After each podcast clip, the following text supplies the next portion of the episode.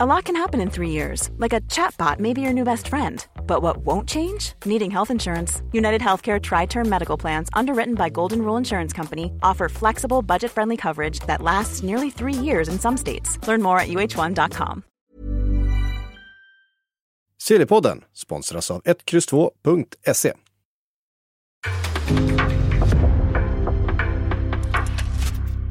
En podcast från Aftonbladet. In the supermarket, you have eggs class 1, class 2, class 3.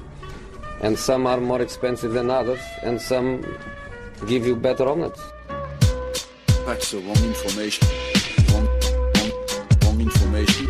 I didn't say that. That's the wrong information. Do you think I'm an idiot? Wrong, wrong, wrong information. Now look at me when I talk to you. Your job is to tell the truth. That's the wrong information. Sillypodden är tillbaka, det är tisdag, fönstret vidöppet, vi har saker att redovisa. Makoto och Frida är med eh, i vanlig ordning. Ehm, vi kan väl börja med saker som är helt klara.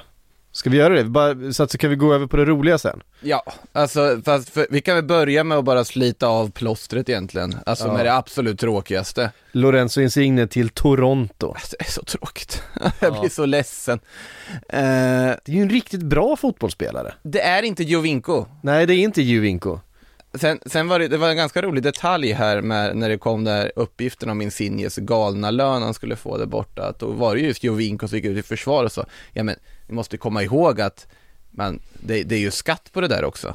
ja, ja okej, ja men då så. Ja men, det, det, det förmildrar ju allt. Jag vet inte vad den kanadensiska skattesatsen är, men Att- det är klart det var jättemycket pengar. Men jag ser ju inte det som omöjligt att, att uh, Insigne hade kunnat få den lönen någonstans i Europa med ett mycket mer spännande fotbollsprojekt, men det säger man ju som supporter och hoppas liksom. Alltså det finns ju en sak som, alltså, är förmildrande omständighet, om det är så att Insigne känner själv, nej, jag vill inte spela för Inter, jag vill inte spela för Juventus, jag vill inte spela för en annan klubb än Napoli, men med tanke på att Aurelio De Laurentiis ville ha bort honom uppenbarligen, med tanke på vad det var för bud de gav honom, att eh, det skar sig på det här viset, Insigne inte får, det var, det var liksom inga orimliga krav Lorenzo Insignes hade för att stanna om man ska tro alla uppgifter. Eh, och då kanske det var så att, ja, men jag vill inte spela för en annan klubb än Napoli, jag är född i Neapel, jag har inte lust, jag vill inte röra en Inter-tröja.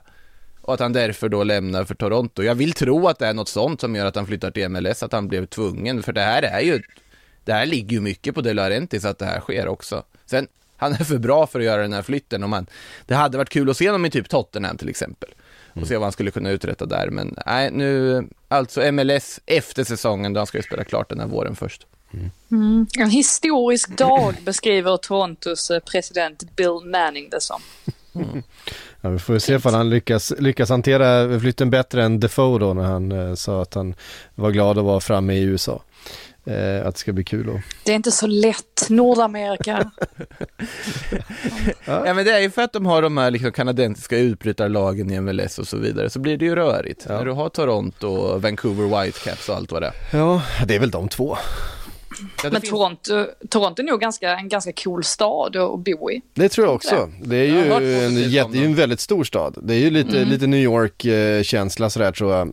Eh, bo, bo i Och ganska när, nära till New York väl? Är den? Ja, det är inte alls speciellt, eller ja, nära och nära, men det ligger ju, ja men hyfsat nära. Du flyger väl dit på en timme eller något. Det är rätt Ja. kust så att säga. En timme, två kanske. Ehm, ja, till skillnad från Vancouver ju, som ju ligger långt från allt verkligen. Eh, det är bara, Märkligt land ändå. Det är nära till Seattle, ja. Ja men det är, det är helt sjukt, det är också så att så här, 90% av befolkningen eller någonting bor mindre än eh, så här, 45 minuter från gränsen, alltså söderut. ja, det, är en, det, det, är som ett land, det är jättestort men alla bor liksom som på ett långt snöre längs med den, eh, den amerikanska Ja gränsen. men det, det är ju fast Sverige fast väldigt mycket större. Ja, lite så. Är det ju. Ja, Eh, Fast väldigt mycket större. ja väldigt ja, mycket. Skitsamma, vi ska inte gå in på, på kanadensisk geografi här. Eh, vi ska bara konstatera att Insigne går dit eh, och jag får aldrig köra mitt, eh, mitt eh, Konstantinopel Insigne-skämt. Eh, Ja, ja, ni som fattar, fattar. Ehm, jag hade velat ha, ha honom till Turkiet, bara på i alla fall ett rykte. Ehm, eh, Krzysztof Piontek till Fiorentina, den här är lite spännande tycker jag. Eh, den här har ju något. Ja, alltså Piontek tillbaka i Serie A har ju Mm. någonting tycker jag. Det ska bli spännande att se vad han kan göra. Det har ju varit det roliga är att han får ju alltså direkt frågor om Dusan Vlahovic i sin första presskonferens med. Men bara, ja, vi ska nog kunna spela tillsammans, nej, och liksom han förklarar för Fiorentina, det här är inte en rak ersättare till att vi ska sälja Vlahovic i vinter. Eh, men såklart man ändå funderar i de banorna när de hämtar en sån striker. Eh, också med tanke på vad de har runt om med liksom Nico Gonzales som varit strålande som nyförvärv där inför säsongen och sen också ikoner som de har hämtat eh, i vinter. Så visst börjar man ändå fundera om, det är ett komplement men såklart det är så att om nu Vlahovic skulle säljas för massa pengar, då har de en ersättare på plats redan. Mm. Eh, jag tror att det här betyder att Vlahovic eh, säljs. Du tror det? Ja, jag tror det. Eh, men jag är, ju- jag är också optimist i det att jag vill, jag vill ha mycket övergångar när det är silly season. Ja men så är det. Eh, Axel Tuanzebe till Napoli. Eh, ja, varför inte? Trenden håller i sig. Ja, Ja. Han är inte, ja, han är inte helt nöjd eh, med, med livet eller har inte varit det sedan Gerard kom in. Jag vet inte om ni såg vad hans bror Dimitri sa eh, i samband med att detta blev klart. Att han skyller på alltså Liverpools rivalitet med Man United och menade på att den spelade in här då i att Gerard inte såg honom som ordinarie mittback. Jag har ju svårt att tro att det är så ändå. Men eh, ja. v- vem vet vad som ligger bakom det. Eh, men ja, kul för Tuan Sebe väl att få en flytt om man nu vill ha speltid, för det lär han väl få i så fall. Han går väl in som ersättare till Manolas som flyttat hem till Grekland. Eh, det är ganska intressant ändå den, alltså, alltså skiftet som ändå har skett tycker jag där. Alltså att spelare kan gå på, så här, om de inte lyckas Premier League så går de på lån till Serie A, det har ju funnits länge. Men det här med unga engelsmän som ja, som dyker upp nu på toppklubbars radar i Serie A. Det här är alltså en spelare som inte fick speltid i Aston Villa. Som värvas in till en, ett av lagen som slåss om scudetton. Eh, att det ändå har skiftat så pass mycket och Premier League har dragit ifrån så pass mycket ekonomiskt och så vidare. Det är anmärkningsvärt tycker jag. Även eh, den sista man har på den här listan av bekräftade, det finns ju fler saker som bekräftats men i alla fall de mer anmärkningsvärda. Ainsley Maitland-Niles till Roma, att han åker dit, går in och startar mot Juventus dagen efter. Och det var, det var sjukt. Ja. Hur mycket liksom då Har han tre, tre, honom. tre matcher för Arsenal eller någonting den här säsongen. Alltså, Rakt in i startelvan så på en vänsterback där. Mm. Var väl okej. Kanske inte så mycket mer. Han var där. Nej, jag, jag- jag såg något inlägg som blev katastrofalt från hans sida, där han liksom missade totalt. Och tänkte jag bara, åh, suckar man lite. Sen vill väl inte han, eller jag antar att han inte vill spela ytterback heller nödvändigtvis. Utan han har väl alltid strävat efter att spela som central mittfältare. Så att eh, vi får väl se om Mourinho låter honom göra det någon gång också. Men de ska väl värva en central mittfältare till och med Roma. De pratar sig om Sergio Oliveira väldigt mycket just nu. Att de är väldigt intresserade av honom från Porto. En sån här spelare man är lite förvånad inte har gått till eh, de topp 5-ligorna tidigare. Det tror jag kan bli en ganska bra värvning. Så att jag tror inte det blir så mycket inne mittfältsspel för Ainsley Maitland-Niles i Roma. Men det blir nog speltid i alla fall och han får väl nöja sig med det han får då. Ja, speltid är ju därför han är där. Får man väl anta. Och favoriten då, eh, din favorit Makoto, eh, Umtiti förlänger Barca-kontraktet till 2026. Ja, eh, Samuel Umtiti som Barcelona Det är ju det är ju konstig strategi om de vill bli av med honom tycker jag.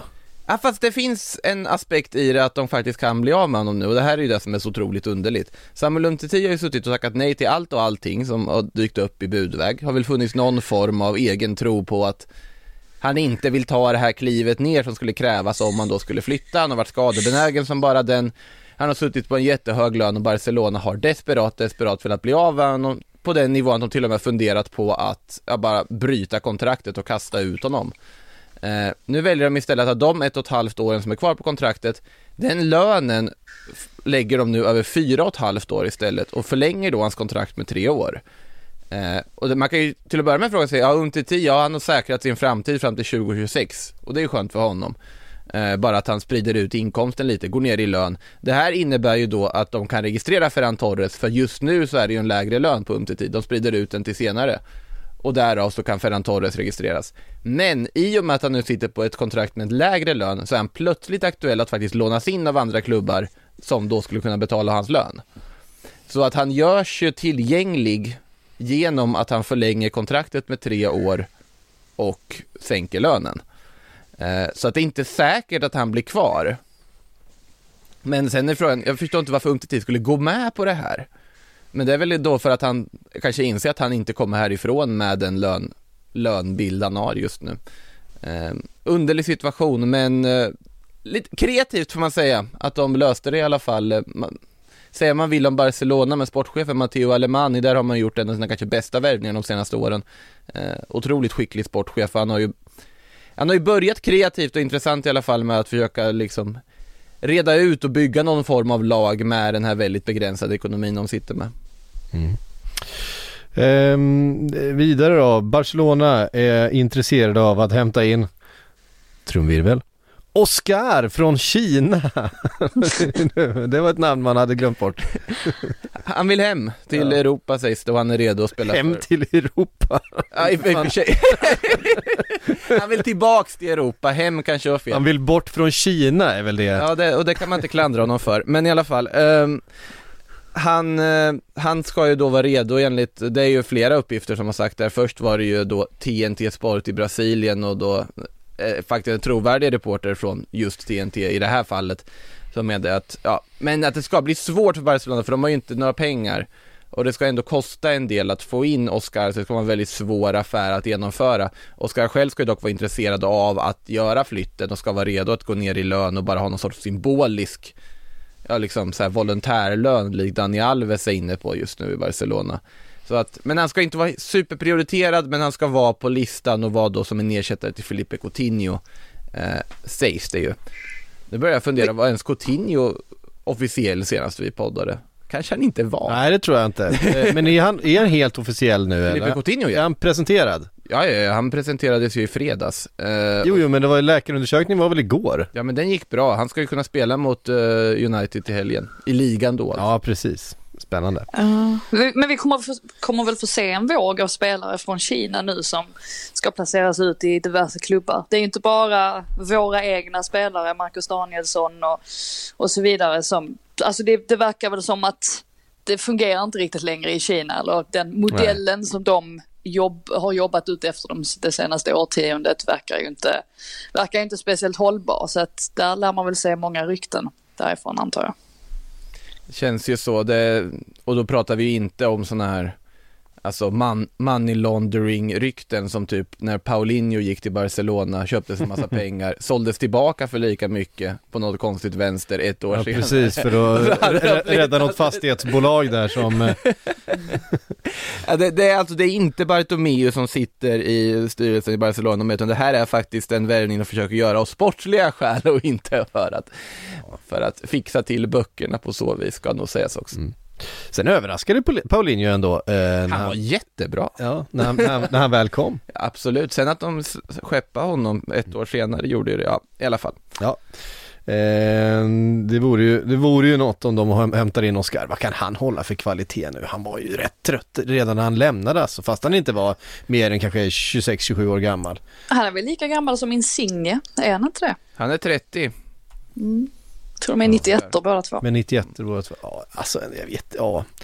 En 30-årig Oscar som har spenderat de senaste, vadå, tre åren i, Ja, Shanghai. i Shanghai. Eh, visste ni att Ramirez hade flyttat hem från Kina till Palmeiras? Nej, det visste jag inte. Nej, för jag började googla Ramirez precis, för det var en spelare man gillade när han var i Chelsea. Herregud, det var en riktigt, det är en sån här mittfältare man tycker om, en box-to-box-spelare. Mm. Han skulle de värvat. Arsenals prislapp för Vlahovic om det nu skulle gå i hamn eh, med lön och allt då, enligt Daily Mail handlar om 150 miljoner pund. Det är, det är mycket Men ska pengar. ändå vara redo att liksom betala det. Hur får de ihop det Frida? Jo, nej, men det verkar faktiskt som att de, eh, som att de kommer att gå ut ganska hårt nu för att, eh, ja, men för att hitta en ordentlig striker och att de då inte räds Vlahovic enorma krav. Jag tror det bara handlar om också 200 000 pund i veckan och någonting sånt där som han begär i lön. Och det är ju, det är ju inga småsummor. Eh, Det var, en, det var en Dombele har i Tottenham så det tycker jag han ska kunna kräva. Ja, nej men precis. Det är ju inga småsummor, men å andra sidan så måste ju Arsenal locka spelare på något sätt nu eftersom att de inte har Europaspel och det ska ju ha varit, eller det ska vara en faktor som Vlahovic tittar på då, att han såklart vill spela i Champions League och Arsenal kan ju inte garantera att det kommer att bli så. Men det är ju likadant med Tottenham som också kopplas ihop med honom, de kan ju inte heller garantera att de kommer att spela i Champions League. Eh, men kan de bara sälja in Arteta-projektet här och få honom att tro att det kanske är han som kommer att göra skillnaden då eh, sett till att, att Arsenal, om Arsenal kommer knipa den där fjärde platsen eller inte så är det mycket möjligt att, eh, att det går igenom. Och han verkar ju i alla fall vara allra högst upp på listan. Alexander Isak nämns ju alltid också, men hans utköpsklausul är ju så pass hög. Eh, och jag tror väl också att han, han kanske är trea på den listan, men Vlahovic är, är klart överst. Ja, alltså eh, Arsenal med Vlahovic in ser ju onekligen väldigt spännande ut för att säga. Eh, det är ju en, eh, det är en kanonspelare verkligen. Alltså om, om de har alltså möjligheten ekonomiskt, vilket man ändå får säga att det borde de väl ha egentligen Arsenal, de har ju en god infrastruktur och alltihopa. Eh, då är det ju bara att köra på en sån spelare, för det här är ju en, en anfallstalang utav ett like. Det är precis den typen av spelare de saknar, någon som bara kastar in bollar i mål, i nät. Eh, Nå- någonting jag bara tänker på är ju alltså vilken typ av spelare Vlahovic är. Han är ju inte den spelaren som gärna droppar ner djupt och, och, och länkar samman spelet. Och Arteta har ju tidigare i alla fall varit väldigt mycket så. Det är väl därför han har spelat Lacazette så mycket på sistone också. Han gillar anfallare som gör på det sättet. Så det är väl det enda som gör att jag kanske är lite, lite förvånad då ändå över att de går så hårt för honom. Men som sagt, det är, sånt där kan ju förändras också och sen så kan ju Arteta också anpassa sig eh, efter en sån spelartyp så att det är ju ingen, ingen garanti för att det inte skulle fungera men mest bara en sån där intressant aspekt av det hela. Ja, nej men det- är ju klart att det är en lite annan typ. Jag menar han är lång och stor och eh, duktig i boxen och eh, liksom en killer på ett helt annat sätt men de har ju så otroligt mycket fina fötter eh, runt omkring eh, som med Saka och Ödegård och Smith Rowe och, eh, och så Martinelli och så vidare så att eh, fan lite lite muskler i boxen. Det, det känns ju som eh, ett fint komplement. och vi pratar en spelare som är 21 år gammal. Ja, precis. alltså det, det, det, är Som är ju, 21 år gammal och som redan har öst in mål i sin karriär liksom.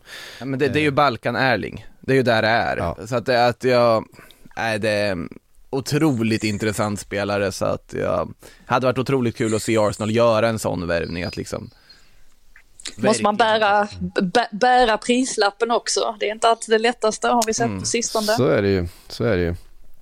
Ehm, vi eh, tar oss vidare då eh, till mittfältet. För eh, Arsenal jagar ju mittfältare dessutom, eh, inte minst nu under den här närmsta månaden med Partey i eh, Afcon så ser det lite tunt ut. El Neni också då i, i Afcon, även om han inte är normal startare så är det ju en spelare som hade fått speltid med Partey borta. Väldigt, väldigt rolig timing att precis när du säger det så plingar det in en ny läsarfråga. Hur många mittfältare hinner Arsenal hova in? Skriver Mattias Olausson här. Kom Mm. precis pling där på Twitter när...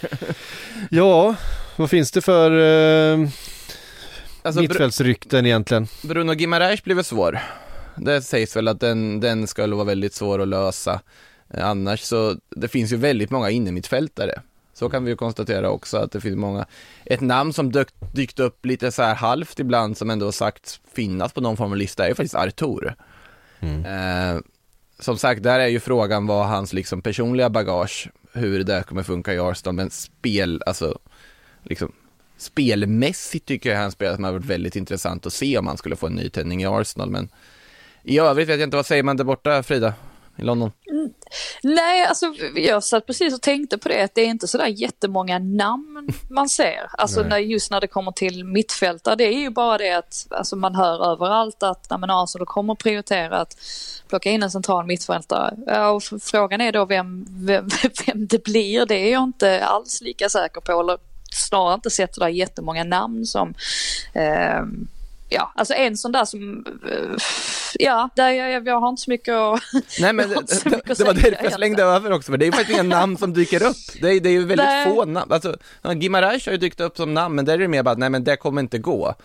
Eh, Jag vet att ett namn som flög runt tidigare var ju Guido Rodriguez i Betis, han har ju bara stärkt aktierna tycker jag också och skulle ju vara en Alltså speltypsmässigt väldigt spännande lösning. Dennis Zakaria såklart, är ju också Alltså ett namn. den, den jag tänkte nämna men som jag insåg att jag inte sett hans namn på ett tag så att det kanske är dumt men en sån som Kessie har man ju alltid pratat om. Alltså Mm. den, den senaste säsongen och det vore ju det vore ju en fantastisk värvning. Men jag vet inte alls om hans namn har, poppat upp på sistone. Eh, jag tror väl att, för det var ju många som var förvånade över att Ainsley Maitland-Niles faktiskt fick lämna eftersom att de har det ju ganska tunt på, på den sidan. Vi såg nu att Charlie Patino, han kanske inte riktigt är redo än för att, att göra avtryck heller i, i matcher, alltså på den positionen. Men man får komma ihåg också att Ben White kan ju gå upp och spela där om det skulle krisa. Det gjorde han ju faktiskt ett gäng gånger i Brighton så att där, där har man en backup i alla fall. Men annars vet jag inte riktigt hur de har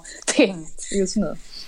Nej, det är, finns säkert någon fler tonåringar att slänga in men det är inte mycket att hänga upp eh, Ja, men alla de här på. namnen som kopplas till United borde man ju bara direkt kunna koppla till Arsenal också. Alltså Kessie håller jag med om Freda, där, där är väl i och för sig primärt Tottenham det har pratats om. Och där, där ska det väl ändå ha någorlunda skurit sig. Det verkar inte som att han blir kvar i Milan. Och där, där borde det bli Alltså huggsexa med Tottenham borde vara där, United borde vara där, Arsenal borde vara där. Hur är det med de här spelarna som är nere på Afcon? Hur påverkar det deras möjlighet att flytta på sig? Jag menar det är ju eh, eh, Ja, om man ska iväg och göra läkarundersökningar och förhandla och det, eh, du, får, du, får, du får vara bra och aktiva agenter eh, såklart som, eh, som löser förhandlingarna åt dig men eller åka det är på- lite stökigt att, eh, att byta klubb Verkligen. mitt, mitt under ett mästerskap på det sättet. Mm.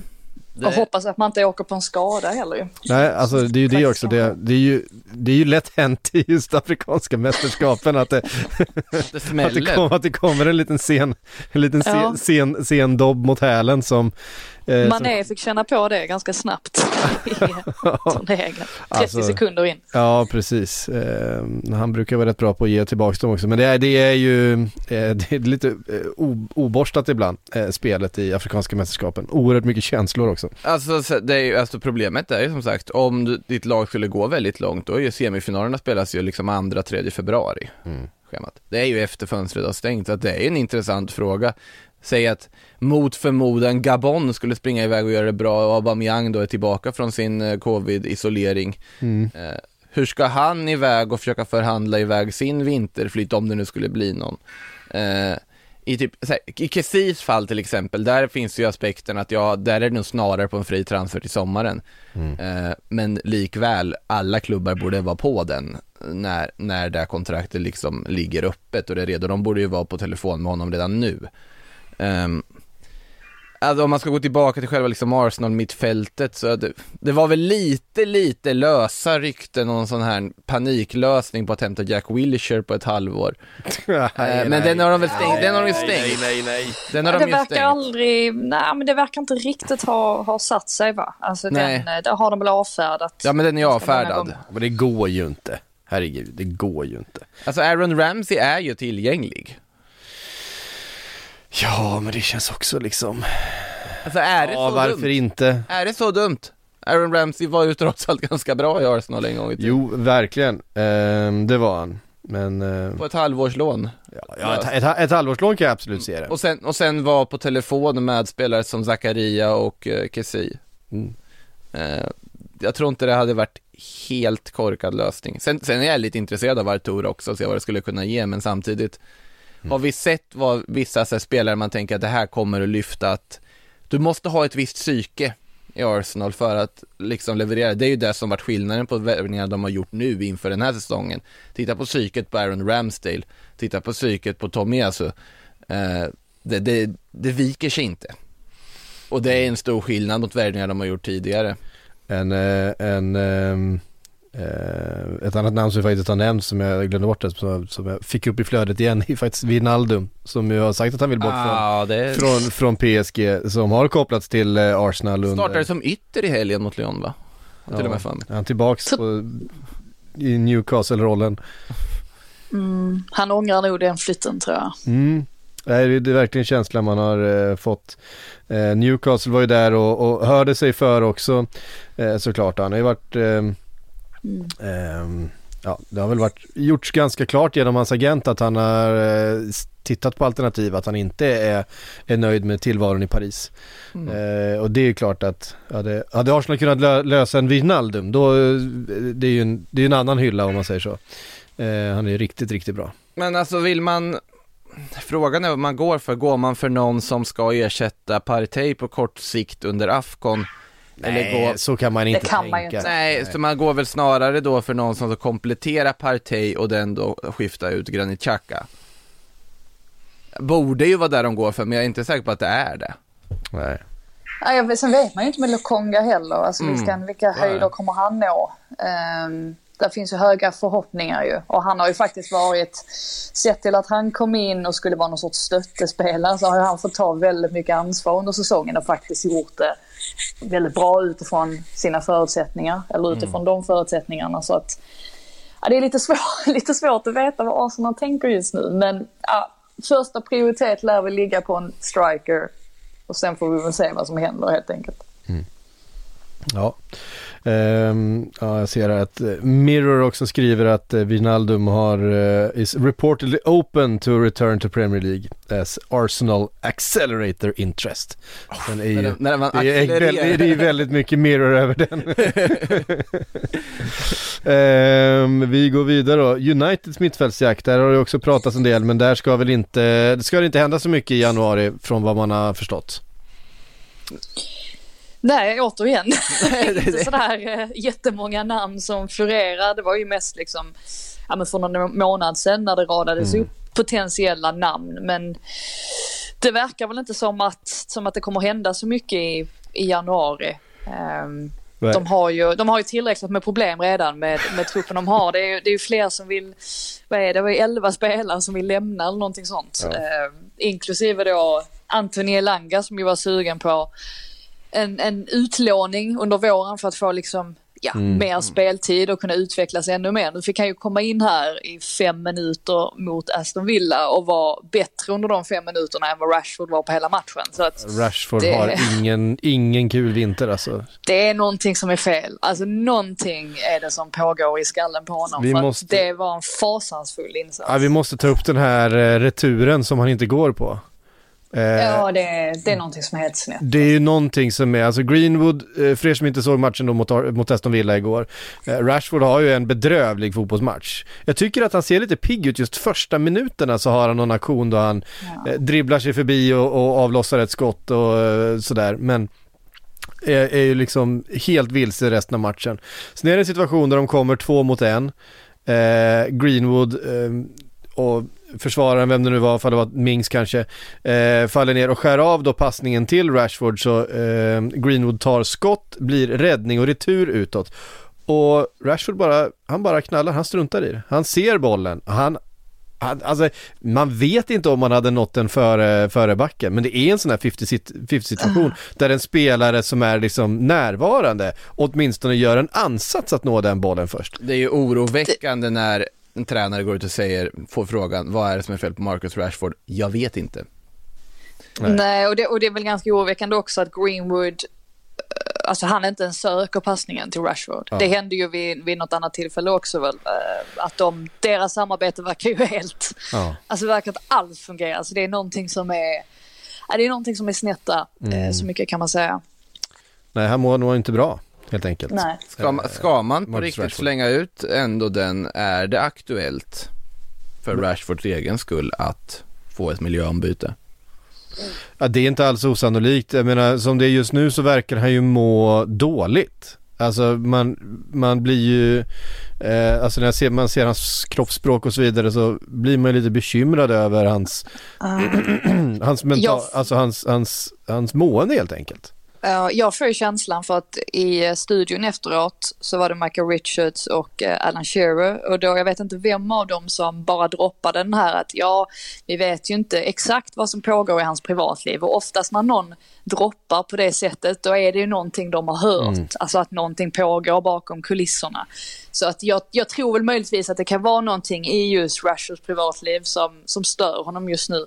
Men eh, det var ju ett ganska bra tag sedan vi såg honom spela fotboll på, På sin högsta på nivå. hög nivå. Mm. Ja, Mm. precis. Men det, det är ju också spelare som, alltså, till att börja med, han, han missade en av straffarna i, under EM, det är ju en, en aspekt i alltihopa.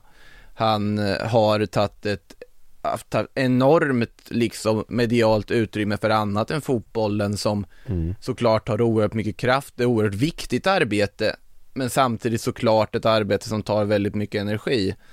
Eh, Det, det är svårt att veta exakt liksom vad det är som, men det är någonting som inte stämmer för honom i alla fall. Ja.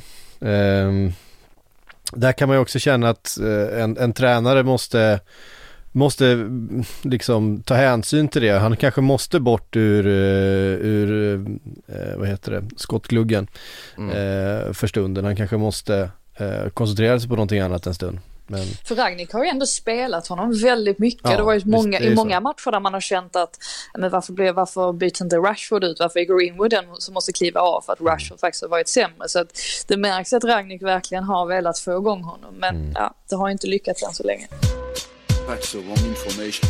Sillypodden sponsras den här veckan eh, igen då av 1X2.se och i vanlig ordning så har vi Andreas med på telefonen. Hur mår du? Jag mår bra Patrik, hur är det med dig? Jo då, det är bara fint. Eh, sillen är ju verkligen igång nu och är det någonting som ni på 1X2 uppmärksammar? Självklart, man håller ju koll på vad som händer där ute för det påverkar ju faktiskt hur, eh, vad man kan förvänta sig av de olika lagen och hur man också ska värdera dem i oddsväg. Så att, eh, oh då, vi håller, vi håller ögonen på vad som händer där ute. Mm, jag vet att ni sänder lite grann via Twitch och så vidare. Mm, flera gånger i veckan faktiskt så kan man gå in på twitch.tv slash 1X2SC och chatta lite med oss när vi tar fram speltips och så. Och vi slår ett slag just för lördagar. Då sänder vi klockan 12.00 och eh, jobbar lite stryktips och sådär. Och till helgen så är det ju faktiskt jackpot där. Så då kan jag rekommendera att man går in och chattar lite med oss så bygger vi lite system tillsammans. Mm. In och kolla Twitch-kanalen då för 1X2.se och ta även del utav deras rek och speltips. Så in på 1X2.se. That's the wrong information. Lucas Digne vill verkligen inte vara kvar i Everton. Eh, under inga som helst omständigheter tänker han spela mer för Everton. Eh, Aston Villa leder jakten och det, är, det, det luktar ju Aston Villa om, eh, om eh, Luca nu. Det, det gör det ju, vad Steven Gerrard sa här, ingen rök utan eld. Vi håller på att fixa Ja, truppen. de, typ. håller, de håller på och eh, och det är klart att det är ju en uppgradering från Target. Ja, men vilka, vilk, vilket fönster de gör i Ja. så fall också. Plocka in Ja. Coutinho och, och, och honom. Alltså det säger ju väldigt mycket om vilka muskler det finns i den där klubben. Och vilka alltså. de, ambitioner de har. Ja, och de vill ju så himla gärna bara ta det där näst, nästa steget. Men så såg man här i mötet med Man United att det är någonting som fattas. Och de vill väl få in det alltså genom de här nyförvärven. Sen har ju inte Bundia då som kostade en massa pengar. Han har ju inte riktigt blomstrat heller. Så det känns som att han kommer han, han gör väldigt många bra saker men han når aldrig riktigt ända fram. Så att de behöver väl den här spelaren som verkligen lyfter laget. Och då hoppas de väl att ja, alltså det är svårt för Dinho att kanske lyfta laget på egen hand men det hade ju onekligen en väldigt bra ytterback. Så att ja. Ja, eh, men jag Aston Villa eh, håller på att sä- sätta ihop ett riktigt eh, spännande lag här för, för våren och eh, Steven Gerrard har ju visat att eh, han, eh, han har ambitioner med det här laget. Eh, Men det, det intressanta är också att även både Coutinho och Ding-fallet, om det nu slutar med Villa, att Coutinho var det, ja men det är så här Arsenal, Tottenham, Newcastle och så vidare och så vidare, West Ham, allt vad det var. Mm. Så kom Aston Villa från ett hörn och så tar det två dagar är han plötsligt presenterad. Mm. Lucas Dean, då var det prat om Newcastle, Chelsea, West Ham. Kommer Aston Villa plötsligt från ingenstans och så är de, på väg. alltså, de, de går in och bara gör saker. på ett sätt. De andra sitter bara där och velar lite och petar, men vi är lite intresserade och eh, vi, ja, ska vi? Ja, Ja, Ch- Chelsea drog väl sig ur va? ja precis. De, har väl, de valde väl det sansade och lugna alternativet nu och jagar på ett sätt att få hem Emerson istället, vilket jag Ja. tycker är helt rätt val. Faktiskt. De, har, de sitter ju faktiskt med ganska många, alltså när alla är hela och friska så sitter de faktiskt med ganska många vänsterbackar. Exakt, de, exakt. de måste ju tänka på det också, alltså rent långsiktigt, så det kan jag ändå fatta. Det är en jätterimlig lösning tycker jag. Jag tycker Emerson är bra dessutom så att det är väl Men det får vi se om Lyon går med på det. De håller väl på att förhandla fram och tillbaka där just nu. Eh, tråkiga nyheter som kommer få lite eh, ringar på vattnet även i Silly-fönstret. Det är Federico Chiesas eh, trasiga knä. Eh, haltade ju av planen här i helgen, dagen efter kom bilder på honom eh, på kryckor in på sjukhuset och sen bekräftades det väl ett eh, Ja. främre korsband. Eh, Korsbandet av och ska Mm. opereras här inom under den här veckan. Det är ju ofantligt tråkigt. Ja, det är eh, otroligt tråkigt när det är, ja men alltid när det är den här typen av allvarliga skador på alla spelare, givetvis. Men för oss som supportrar, en så, så fin fotbollsspelare, ung, i sån fin form, eh, så viktig för sitt lag eh, och nu missar han antagligen hela försäsongen också i sommar med tanke på den här tajmingen och kommer vara tillbaks någon gång i början på nästa säsong eh, i full träning. Det kan ju ta så lång tid med, med korsband. Ehm, Men det innebär ju i det här fallet sannolikt att vi kan avskriva allt vad eh, Dejan Kulusevski-rykten heter. Ja, han är ju, han är ju ersättaren rakt av i den truppen. Ehm, Även om, ja, det, det, de här liksom, predicted eh, 11 inför Supercup-finalen här nu så är det ju inte Kulusevski från start, då är det kanske, är det andra spelare, det finns ju andra alternativ också, men eh, Kulusevskis speltidschanser har ju ökat och framförallt så kommer väl Juventus vara väldigt Väldigt mycket mindre benägna att släppa honom. De uppgifterna har ju dykt upp redan nu direkt också. Ja. Och Den matematiken kunde man ganska enkelt göra utan att ha andra uppgifter om vi säger så. Att det och blir plus- kvar. Ja. Ja, plus, att det här är en jättechans för honom själv också ju. Att, att verkligen ta plats i, i Juventus, alltså på ett sätt som han kanske inte har fått innan under, under Allegri. Så att det, det är nu eller aldrig för honom egentligen ju, i Juventus då. ja. Ehm, Newcastle är desperata. Då. Det, det, måste, det måste de vara. De fick alltså- stryka av Cambridge i helgen. eh, nej, men dessutom Callum Wilson kommer vara borta i några veckor till. Eh, det, det saknas anfallskraft, det saknas en hel del annat. Man har fått in... Det saknas allt. Ja, de har, Allt de, har, de, de har en bra högerback. och de har San Maximan. Jag tycker ändå San Maximan Det är är... för, förvånande hur Saint Maximin, alltså hans tålamod verkar vara helt otroligt alltså. Han bara går omkring där och tycker det är så kul att spela i Newcastle. Han, Jo, jo men han, han är ju så frustrerande själv också som spelare. Ja. Just det här att han, han är så bra på så himla mycket. Men just den här sista, liksom, eh, ja, där han ska bara få till den. Han ska bara göra lite fler mål. Alltså så, Ja. ja. där brister det lite ibland. Eller det var en sån liksom otroligt så här, väldigt vacker men också intressant kulturkrock där när han pratade så otroligt varmt om Steve Bruce när Bruce hade lämnat och var så otroligt fina ord han skrev där ut på sociala medier minns jag. Eh, det känns som att sån spelare vanligtvis i en sån miljö hade ju bara tappat det bara, jag orkar inte med de här runt omkring mig men han verkar trivas jättebra i Newcastle och mår bra. Eh, men det är ju desperation nu, det kommer ju uppgifter från England om att eh, innan matchen mot Watford i helgen, en ganska viktig match, ska de ha en anfallare klar och en mittfältare klar. Hur de överhuvudtaget ska hinna det här är jag ju nyfiken på att se och där har de ju, ska vi bör- var ska vi börja? Ska vi börja med anfallet? Mm. Ehm, ja, alltså eh, forwards. Det har pratats om då eh, Chic som ju eh, såklart hade varit en dundervärvning för dem som jag inte tror att de löser. Eh, jag tror inte han vill. han blir ju dyrast av alla de här alternativen. Sen så här, Solanke dök ju upp. Solanke hade de såklart kunnat lösa. Ehm, lön har de liksom, pengar finns det. det han kommer inte vara en liksom kosta flera hundra miljoner. Nu, nu har han faktiskt levererat nog för att ta en Ja. prislapp. Det hade han inte gjort när han, Han hade en prislapp förra Pass, gången. passar ju lite i, i det där Callum Wilson-hålet också ehm, med sin snabbhet och st- och styrka liksom och Chris Wood. Chris Wood. Ja, det Ja. Var, var väl ett seriöst Ja, det är ett seriöst rykte. Ja, det, det, men det handlar väl om att det, det är väl samma, samma agenta på Trippier och Chris Wood. Så att man möjligtvis hade kunnat få, ja det finns en koppling där. Eh, Men han, han, eh, den unga killen från, eh, vad säger man, Rem. Mm. Det är så man uttalar det va? Ja. Eh, Ekitike. Mm, Han verkar ju faktiskt vara någonting som de möjligen kan lösa. Eller det verkar ju i alla fall som att de har kommit lite längre med honom jämfört med alla andra som det ryktas om.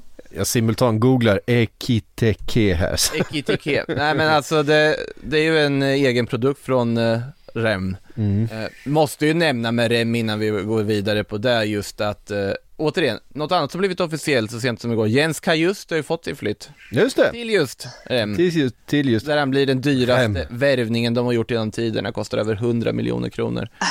Eh, kul för honom och det sa han Ja, till vilka. Ja, Och förlåt, Ja, fortsätt. nej men han sa ju det också här till, eh, till oss vet jag, till Sportbladet också, att han var ju otroligt lättad att det till slut blev en sån här flytt och att det blev en klubb som har velat ha honom länge, som verkligen satsar på honom och tror på honom. Tror att det är en jättebra flytt för honom. Vilken höst han har haft alltså. Det är ju mardröm egentligen sett till Mm. var han stod i somras och vilken status han hade då. Och sen helt plötsligt så bara hamnar rakt ner i, i frysboxen på något sätt. Alltså fick inte alls Fick inte alls spela. Eh, Det hängde väl ihop med skadan och sådär. Men Mm. det, kändes ju inte riktigt som att han fick chansen heller när han faktiskt var tillbaka och kunde ha spelat. Så att, ja. Nej, bitarna föll verkligen inte på plats för honom eh, i återkomsten där. Det är problemet där med de danska klubbarnas hybris över pengar när de kräver liksom 150-200 miljoner för honom. Nu vart det en 100 miljoner som är en jättebra summa. Verkligen. Är fortfarande. Eh, Vart landar han på, vart landar han på listan över dyraste svenskar? tia. Tia. Ja men det säger det är Eh, bara en sån sak liksom. Varav Zlatan har eh, x antal placeringar av dessa. För att, Ja okej. så om man bara räknar per person, då är han Ja. ju mycket högre på den listan. Ja precis. Men eh, Zlatan har ju ganska många olika övergångar, så den tionde dyraste övergången med en svensk spelare. Mm. Som jag har förstått i alla fall. Eh, men då tillbaka till eh, Ekitike. Åtta mål på 17 matcher googlar jag mig fram till. Ja, det stod i körschemat. Nej, det gjorde det inte alls. Nej. Jag skojar Det bara. står på Det- transfermarkt. Det stod i Silly-bloggen, eh, eftersom jag skrev det där nyss. I alla fall. Han, eh, där ska ju ändå, där ska det finnas ett intresse, där ska vi dock Rem vilja ha, ja vad blir runt 300 miljoner kronor och dessutom garanterat då någon form av vidareförsäljningsklausul på, på övergången. Eh, sen är frågan, 19-åring ska in liksom i det här Newcastle, rädda dem från nedflyttning gjorde ju A-lagsdebut så sent som oktober 2020. Ja, då är jag lite mer, alltså, jag, jag säger inte att de ska gå för Chris Wood, det är inte det jag säger kanske, men med all respekt till Chris Wood, nu har inte han varit kanske jättebra den här säsongen, men det känns som att i det här läget, om, absolut, värva Ekitike, men jag tycker ni ska, man måste sen plocka in någonting mer liksom med rutin som du vet kommer leverera, du behöver garanterad succé på något sätt. Ja, de var ju också, hörde sig för om Origi men där gick ju Klopp ut och sa att han är inte till salu. Ja, ena stunden säger han, jag hoppas han hittar en tränare som spelar honom mer än vad jag gör och så säger han, nej Ja. du får inte gå Ja, någonstans. de behöver väl i och för sig honom nu mer Ja än precis. någonsin. I, so, i, i, som, I sommar tror jag att det är, är öppet igen. Sommar är han väl gratis att gå någonstans så länge han inte behöver starta tillräckligt många matcher så att det där optionen förlängs, är det inte så? Eh, är det så? Ja, fan, Det har du säkert bättre koll på Ja, det finns någon form av förlängningsoption där men alltså han, eh, jag vet inte exakta exakta kraven för vad som krävs och så vidare, men jag tror att det har någonting med det att göra. Mm. Eh, Sardar Azmoun har ju dykt upp också, som ett namn. Ja just det. Eh, Jag måste bara nämna också, jag tror vi uttalar rem, jag tror inte det uttalas så. Jag har någon sån Reim. känsla. Re, nej, men jag vet inte, jag tror det är någonting med räns, alltså det är mer en... Rems, Jag vet inte. Reims. Så om det är, om det är någon, för jag, jag, jag minns att jag fick en, en avhyvling från Johanna Frändén när vi var på VM 2019. För jag tror att jag uttalade helt fel. Så om det är någon fransktalande som kan... Om- om Johanna Frändén sitter och lyssnar på om, om, om, om Johanna Fredén sitter och lyssnar på Sillypodden just Ja, det, kän, det känns inte riktigt rätt i... det här, det här, det här blir vårt test i så fall Johanna lyssnar på, på vår podd Vi lär höra. För i så- för, i så, fall kommer hon höra av sig. Ja, Och om hon Eh. gör det så lär hon ju aldrig dyka upp i studion här i alla fall efter detta. Nej, eh, alltså ett namn jag vill slänga in som inte har ryktats jättemycket också, om vi ändå, när ändå Solanke nämns från Championship, Ben Brereton, Brereton. Alltså chilenar, chilenaren, FM-stjärnskottet i Blackburn. Aldrig spelat FM så... Du har inte koll på den här historien? Nej, inte en alls. jättefin historia. Eh, han, han spelar ju då liksom i Championship och gör mål och gör det bra. Och så är det någon människa som då hittat i liksom FMs databas att han är ju liksom eligible för det chilenska landslaget. Mhm. Och det här fanns då i systemet, han visste inte, liksom ingen visste riktigt var, var kom det här ifrån? Varför, har någon sån här chilenskt påbrå som ingen kände? Så då blir ju det här en grej, att då var det en massa FM-spelare som har noterat det här, liksom tjata, men ta ut han i Chile. Och vad gör Chile? Tar ut honom, han är med i Copa America, gör supersuccé, är idag självskriven i landslaget i Chile, kan, kan knappt ett ord spanska liksom, bara kommer in där tillsammans med Alexis och Vidal och gänget. ja, fantastiskt. Jättehäftig historia och han har gjort det strålande i Championship och borde vara aktuell för en Premier League-klubb eh, inom väldigt snar framtid. Ja, varför inte? Eh, något måste de ju göra. Eh, de vill ju också ha försvarare såklart. Deras, eh, ja, det, det, är ju, det är ju kaos överallt i Newcastle. Eh, Bottman får de ju inte loss för Lill vill inte sälja. Eh, jag har pratat här om Diego Carlos, Benoit, eh, Badia Chile. Badia Chile. Det är två jättebra alternativ ska vi säga, tycker jag. Är, alltså man... Ge mig the lowdown. Alltså, det här är spelare jag inte har koll på. Badia Chile, Ja. det är killen som blev eh, utskälld av Thierry Henry för att han inte sköt in stolen i den här presskonferensen för Monaco. Ah, Monaco. Ja, det efter- är den göken. Efter Okej. det så har han dock blivit en fruktansvärt bra mittback. Eh, han har ju varit på Uniteds radar och så vidare också. Eh, alltså om man tycker att det känns lite så här att de bara skjuter vilt när de jagar anfallare, så tycker jag att i mittbacksfrågan, de här tre namnen som nämns där, alla tre hade varit ruskigt bra värvningar för en klubb i Newcastles eh, situation. Bottman, alltså jag vet inte riktigt vad Lill sysslar med där, men de verk, verkar ju ändå vilja ha honom resten av våren för de ska spela Champions League, åttondelsfinal och så vidare och de vet väl vilket intresse det som finns runt honom. Milan har ju fått ett nej där också, de går på lite andra namn. Erik Bajy dök väl upp på Milan-radarn nu. Eh, men Diego Carlos, ja han har blivit omsprungen av Jules Condé i Sevilla men är fortfarande en jättebra försvarare. Badia Chile, framtidsnamn, jättespännande fransk back. Jag tycker att här finns det ju det lär ju kosta oavsett vem av dem de skulle värva. Vi pratar ju minst 400 miljoner oavsett vem av dem här de skulle värva, men alla tre är ju superalternativ. Alla tre är också alternativ jag absolut inte tror att de skulle kunna lösa på en vecka, men det är en annan sak. Nej, men, men pengar finns det ju om det, om det finns en öppning. Eh, Tottenham har Coutinho-option står det i körschemat här. Eh, Makoto, kan du utveckla? Eh, Det, det, det här är jätteroligt tycker jag, för jag vet inte riktigt vart den kommer ifrån. Eh, Det var ju direkt efter att Coutinho blev presenterad för Aston Villa, så det var ju på ett lån då med en köpoption på 40 miljoner euro. Eh, Inga konstigheter. Däremot kom det ju trovärdiga uppgifter i Spanien då att det är inte bara Aston Villa som har en köpoption. Så Barcelona har alltså förhandlat fram en köpoption för Tottenham. Så Tottenham har en köpoption på 40 miljoner euro när Coutinhos lån går ut i sommar. Och det, och det kan man ju, det finns ju många frågor att ställa till, liksom hur kom det här till? Men det gissningsvis är det väl så att Paratici var så pass intresserad av Coutinho men kände, att han får ett halvårs Premier League audition innan vi avgör om vi vill ha honom. Eh, det är väl där då, och att Barcelona är fullkomligt desperata på att då han inte ska sätta på sig Barcelona-tröjan igen. Vi ska ha så många olika alternativ för honom att liksom, vi ska ha det täckt till sommaren. Men jag vet inte, sen, sen är det ju ofantligt svårt att se att Tottenham ska utnyttja den här optionen, men den ska i alla fall finnas, liksom på papper. Vilket är intressant. Ja, äh, verkligen. Det är ju jättekonstigt eh, eh, det, det hela, men eh, för fan, jag, jag är på. Ja. Tottenham ska ju då framförallt vilja göra sig av med lite spelare. En Dombele eh, är de ju, alla verkar trötta på en Dombele i, i Tottenham. Supportrarna vill ha bort honom. Conte vill inte ha honom kvar. Han vill bort. Han vill bort. Eh, som sagt, igen, det är väl, är det bara Harry Kane i laget som, som har högre lön? Ehm, Ja, han har, han har ju fått, han har i alla fall eh, fått en väldigt hög summa sett till vad Tottenham brukar investera i sina, sina spelare. Och med facit i hand så har det ju verkligen inte, det har ju verkligen inte blivit som det var tänkt. Och han har ju inte en bra inställning. Det har man ju, det har man ju förstått det på så. Han, han jobbar inte tillräckligt hårt och Conte trodde väl att han möjligen skulle kunna motivera honom till att springa lite mer men har gett upp nu sägs det. Så att det är väl därför de vill göra sig av med honom. Om någon nu vill ta honom eh, med tanke på just lönen. Det kan ju bli svårt att bli av med honom. Här har vi ett mittfältsnamn för Arsenal. Ja, ja. Uh, nej, det hade varit något. Arsenal behöver inte fler eh, med, med bristande mentalitet. Det är Nej. en sak som är säker. Nej, sjukt.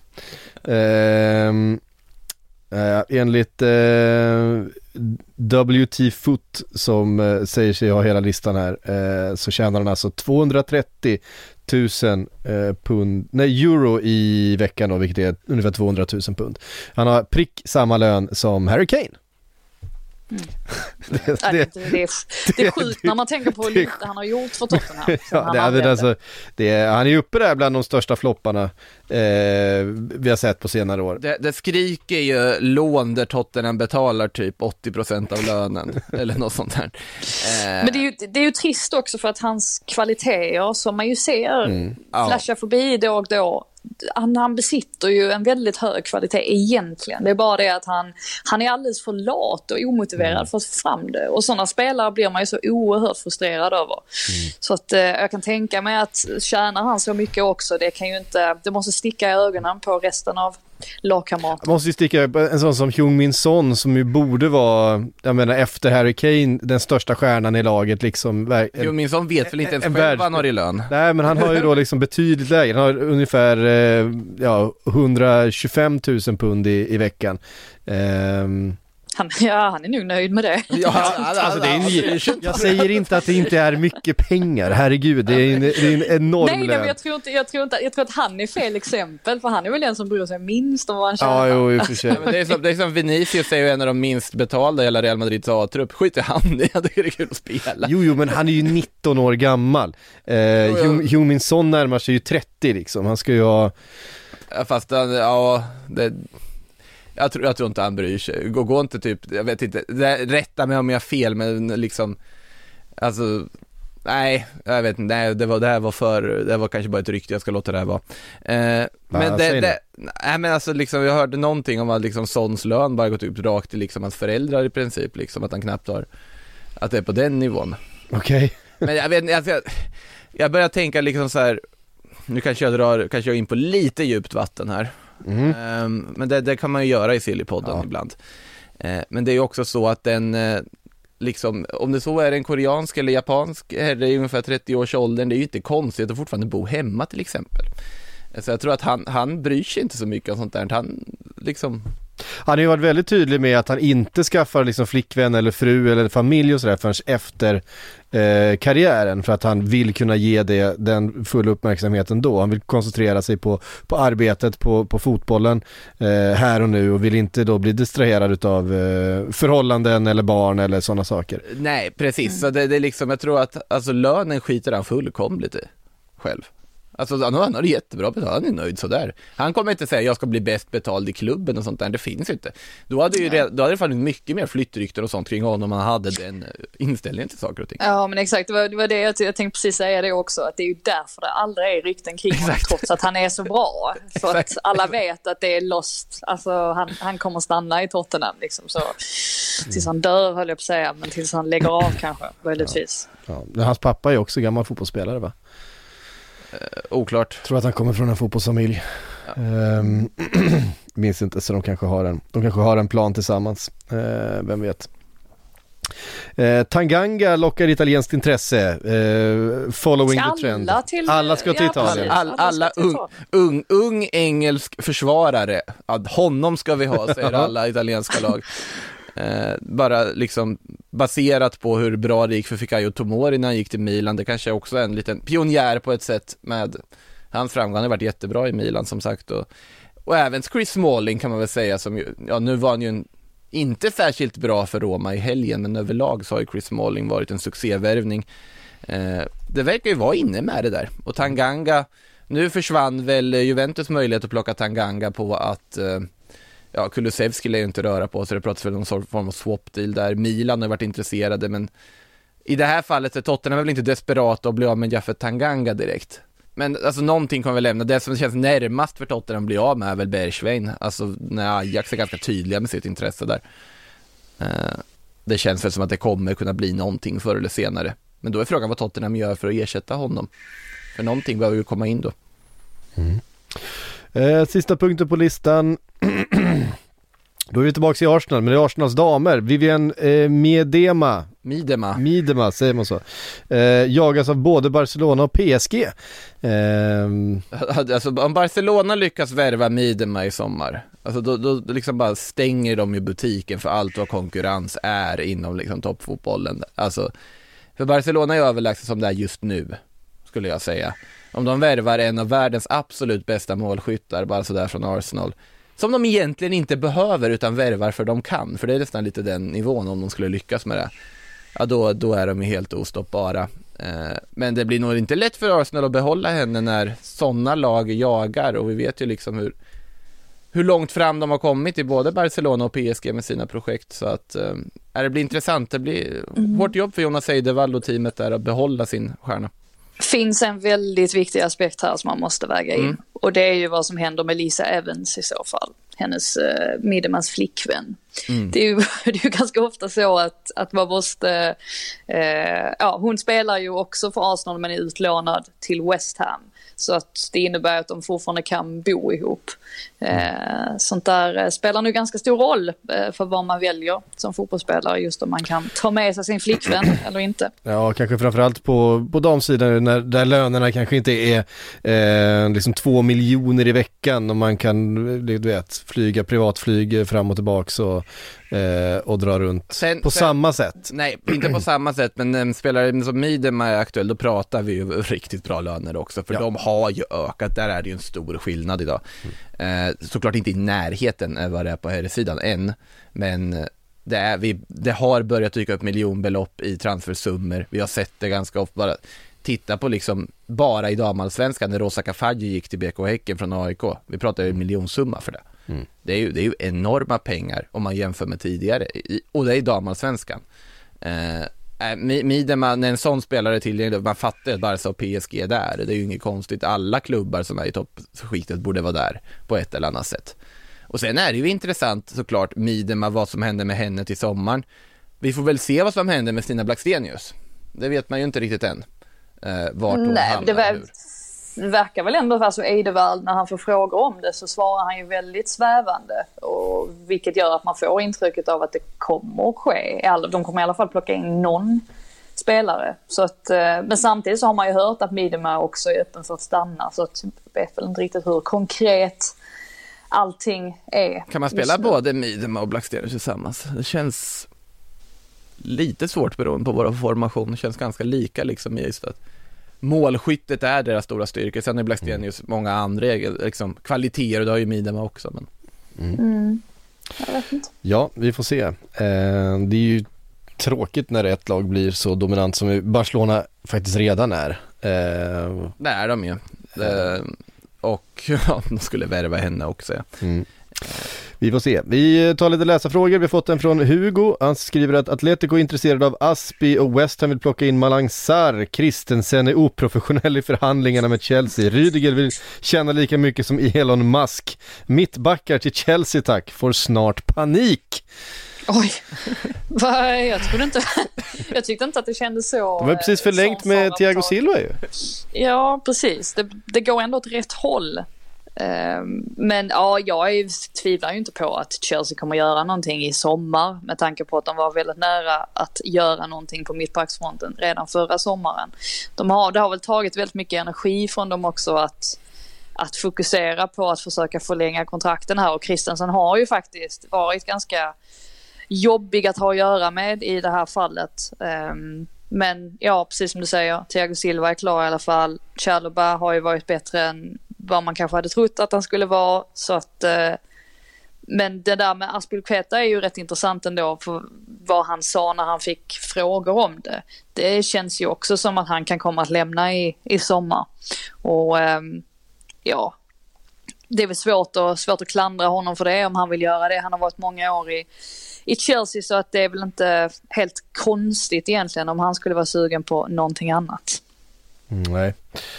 Ehm, jag har fått en fråga här från eh, Janina eh, Luis, si eh, Luis Sinisterra till Napoli som ersättare till Insigne. Vad tror vi?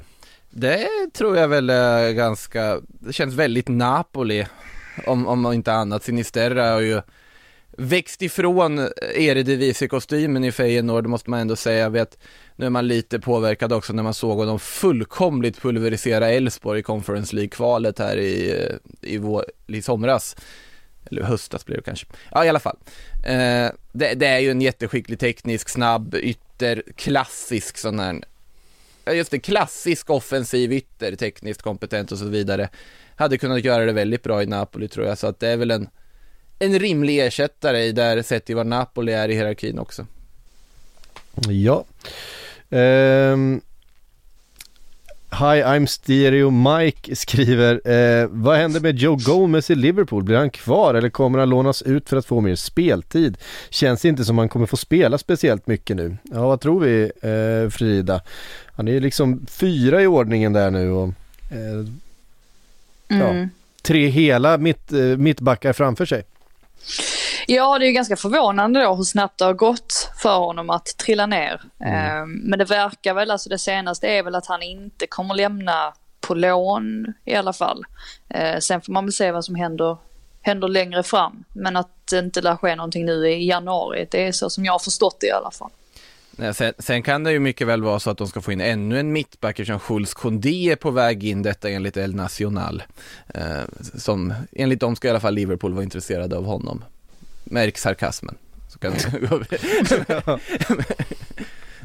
det där är, ja, Juan Mata dök upp på bild. Ja precis, vi fick den här i, på Twitter utav Niklas H. Och sen fyllde ju eh, Alexandra Jonsson, eh, vår kära kollega, eh, i med en... Eh, Bild på Juan Mata som ung med en Oviedo-tröja. Precis. Och det här är ju för att Juan Mata då, ja Niklas har ju vissa Valencia-sympatier kan man ju, ska vara Anta. transparenta med att säga. Eh, men kan rekommendera Valencia-podden för er som vill höra mer Valencia. Men i alla fall, så Juan Mata där ja, det är väl Real Sociedad det pratas lite om där. Men det, det, verkar väl också som att han kanske blir kvar i United. Man glömmer nästan bort att han är där fortfarande ibland. Ja, uh, ja han dök väl upp i, han fick väl spela mot Young Boys, var det inte så? Uh, då, då kom man att tänka på att, ja just det, han, han finns kvar. Uh, men jag håller med om att man lätt glömmer bort det. Mm. Tänk så fin han var i Chelsea en gång i tiden. Tänk vad fin han var i Valencia en gång i tiden, ja, tänker jag. men det är det ju ingen som minns. Eh, Chelsea däremot, han var, han var, ju, han var ju helt magnifik eh, en säsong. Alltså, ja, det, det var han. Han var ju, han är ju en fantastisk spelare när han som bäst. Nu är han ju, har ju passerat sin peak om vi säger så för några år sedan, men det är fortfarande verkar vara en en väldigt bra, bra person på alla sätt. Man vet ju liksom alla, alla saker han har gjort på sidan av plan också med sina initiativ och så vidare. Eh, det hade varit ett väldigt Juan Mata liknande drag och ändå dra till Oviedo måste jag säga. Jag tror tyvärr inte det kommer hända att han skulle hamna där, men mm. man kan ju drömma. Mm, verkligen. Um, Johan Bengtsson undrar, hur ska man kunna få något vettigt ur Aubameyang? Är det en uh, kuggfråga det, det, det förutsätter att det går att få något vettigt ur Aubameyang. Jag, jag tror att en väldigt enkel, uh, en väldigt enkel så här, motto att ha kring honom det är att han ska inte ha för mycket ansvar. Alltså ge honom inte för mycket, för mycket ja, ledaruppgifter och sådär. Och det var väl lite där Arsenal klev fel med att ge honom just lagkaptensbinden. Han är inte kaptensmaterial och det får man kanske acceptera. Och sen får man väl ta till eh, Tuchels trick också att eh, säga till honom att eh, möten och träningar startar en kvart tidigare jämfört med vad man säger till alla andra så kommer han ju i tid. Ja, herregud. Osman får man ta liksom, om det är en onsdagsträning får man säga att tisdagsträning. ja, precis. Det har vi också fått en fråga om, vi kan väl avrunda med den då. Eh, den frågan kommer ifrån, nu ska jag se, se rätt här, eh, Filip Schützer. Eh, vart går Osman Dembélé nu när Koman signar med Bayern fram till 2027? Ja, den, den aspekt som också är viktig att ta med, som man glömde få med i körschemat, Kingsley Koman verkar väl förlänga med Bayern till ja, långtidskontrakt där. Eh, han, han har ju väldigt fina egenskaper när han är som bäst Kingsley Coman, så att man kan ju på något sätt förstå det. Sen ska han ju få en väldigt bra lön sägs det, jag vet inte riktigt om kanske det är rätt väg att gå, men Bayern måste ju verkligen tro på honom då. Han, som sagt, han har ju spetsegenskaper. Mm. Senaste påsman Dembélé, sjukt nog att Barcelona ska ha gett ett förbättrat bud. eh, enligt L'Equipe då, där, eh, som ska göra honom till klubbens bäst betalde spelare. Gud vad det är tråkigt med, med spelare som blir kvar. Alltså, om, om nu han inte då går med på det och vill ha ännu mer lön och det helt skiter sig och de måste sälja honom, ja vad är det för alternativ som finns på bordet? Paris Saint-Germain, Mm. tänker man ju direkt. Mm. Eh, beroende på hur mycket de, hur, hur mycket de egentligen inser att Kylian Mbappé lämnar. Eller om det faktiskt finns en tro på att de kan förlänga med Mbappé. Alltså rapporter i Paris gör ju gällande att, att det ändå finns ett hopp om att Kylian Mbappé faktiskt ska förlänga sitt kontrakt med PSG. Eh, det är ju inte klart än, det finns fortfarande möjlighet att han gör det. Eh, men då kommer han ju stänga dörren till Real Madrid. Det, är ju nu eller aldrig för Real Madrid, så är det ju. Eh, Juventus, en annan klubb vi kan slänga in. Framförallt nu när Federico Chiesa gick sönder, det ska vi också komma ihåg att det är inte nödvändigtvis så att att Juventus tänker, ja men då klarar vi oss på det vi har, utan man kanske tittar på ett, eh, en värvning då, Osman Dembélé hade ju varit en spelare som hade gått in där och kunnat göra skillnad för dem. Eh, man vet inte vad United får för sig. Man vet inte vad de får för sig när det dyker upp en chans, även om det är absolut inte där de ska gå för. Eh, det är de tre lagen jag kan se framför mig. Jag ser inte så mycket annat i alla fall. Mm. Ja, hörde ni, det var det vi hann nu. Klockan verkligen sprungit iväg här. Eh, det blev ett långt avsnitt eh, för den här tisdagen. Sillypodden är tillbaka på fredag igen. Eh, Då hoppas vi har fler eh, klara Newcastle-övergångar att Det, rapportera det, om. det lär de behöva om de ska hinna vara Ja, registrerade det, det, Watford-matchen. är ju, ja, det är ju en ödesmatch också mot Watford. De måste ju ta tre poäng där om de inte ska liksom eh, få börja li- liksom planera för Det Championship. måste ju vara en fullkomlig mardröm att sådana uppgifter sipprar ut att Newcastle har bestämt sig för att de måste värva en forward eller en back till den här matchen.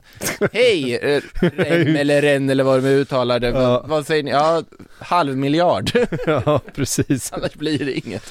Ja, det är... Ni får den för halva pris om en vecka. Ja det är sjukt. Vi, eh, vi får se om vi har mer att rapportera om det då på fredag och vi säger härifrån då på återhörande.